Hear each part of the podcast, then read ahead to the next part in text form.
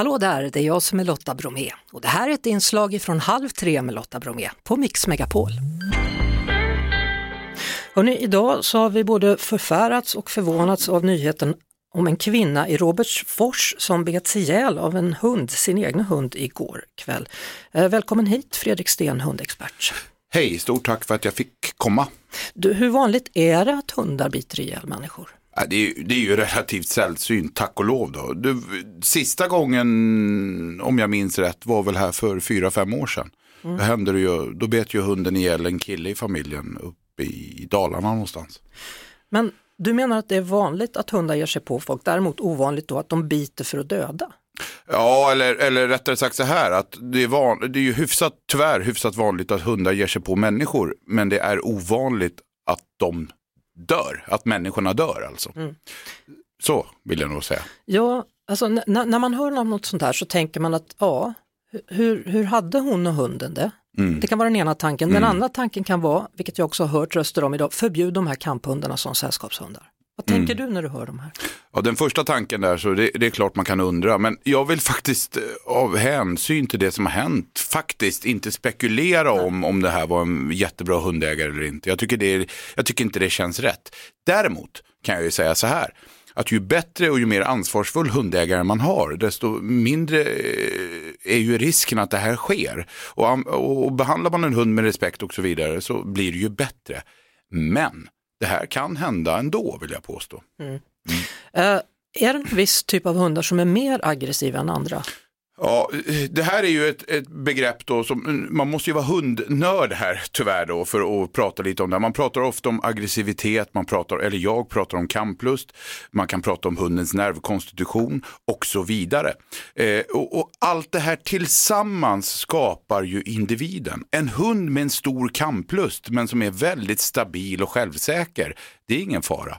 En hund som är väldigt rädd men har en stor kamplust, ja då blir det kan det bli farligt. Mm. Har vi dessutom inslag av aggressioner och en bristande dådkraft, ja men då kan det bli ännu värre. Så det är mer mixen av de här sakerna som blir tokigt. Finns det något tips som man kan träna sin hund på att ha kontroll om man märker tendenser till aggressivitet?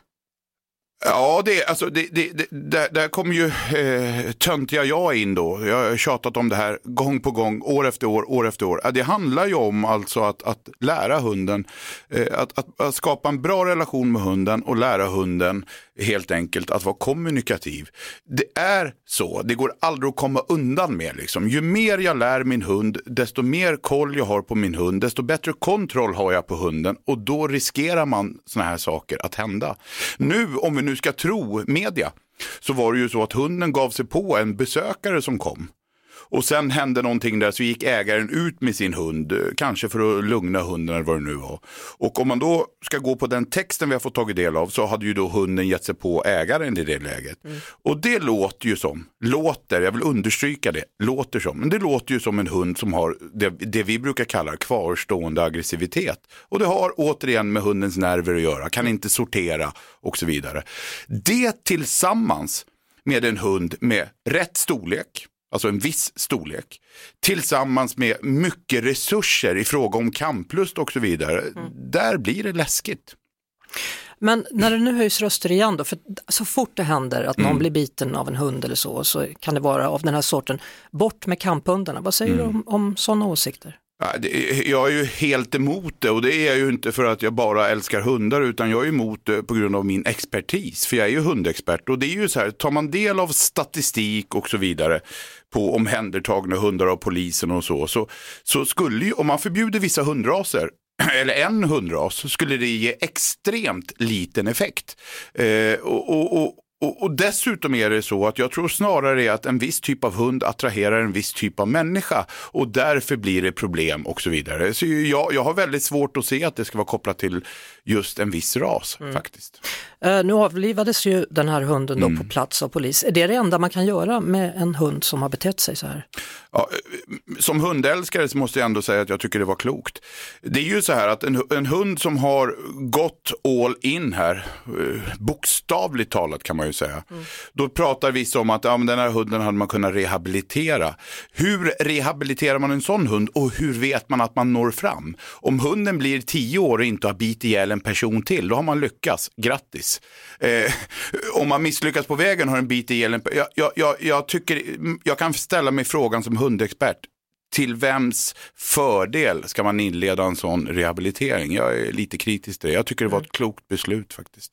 Hur ska man bete sig om man blir attackerad av en hund? Mm, och här är det viktigt att skilja på Håller jag på att bli attackerad eller är jag mitt inne i en attack? För det är väldigt stor skillnad. En hund som visar aggressivitet och, är, och utmanar mig, den hunden ska jag med fördel helt enkelt nonchalera. Alltså låtsas att den inte finns. Röra mig lite försiktigt, inte på något sätt utmana hunden. Men har hunden bitit sig fast och jag känner att det här är alltså en situation som handlar om liv och död, då är det ju tyvärr bara att försvara sig som gäller med alla möjliga medel. Tack så mycket för att du kom förbi och redde ut saker och ting, Fredrik Sten, hundexpert. Vi hörs såklart på Mix Megapol varje eftermiddag vid halv tre. Ett poddtips från Podplay.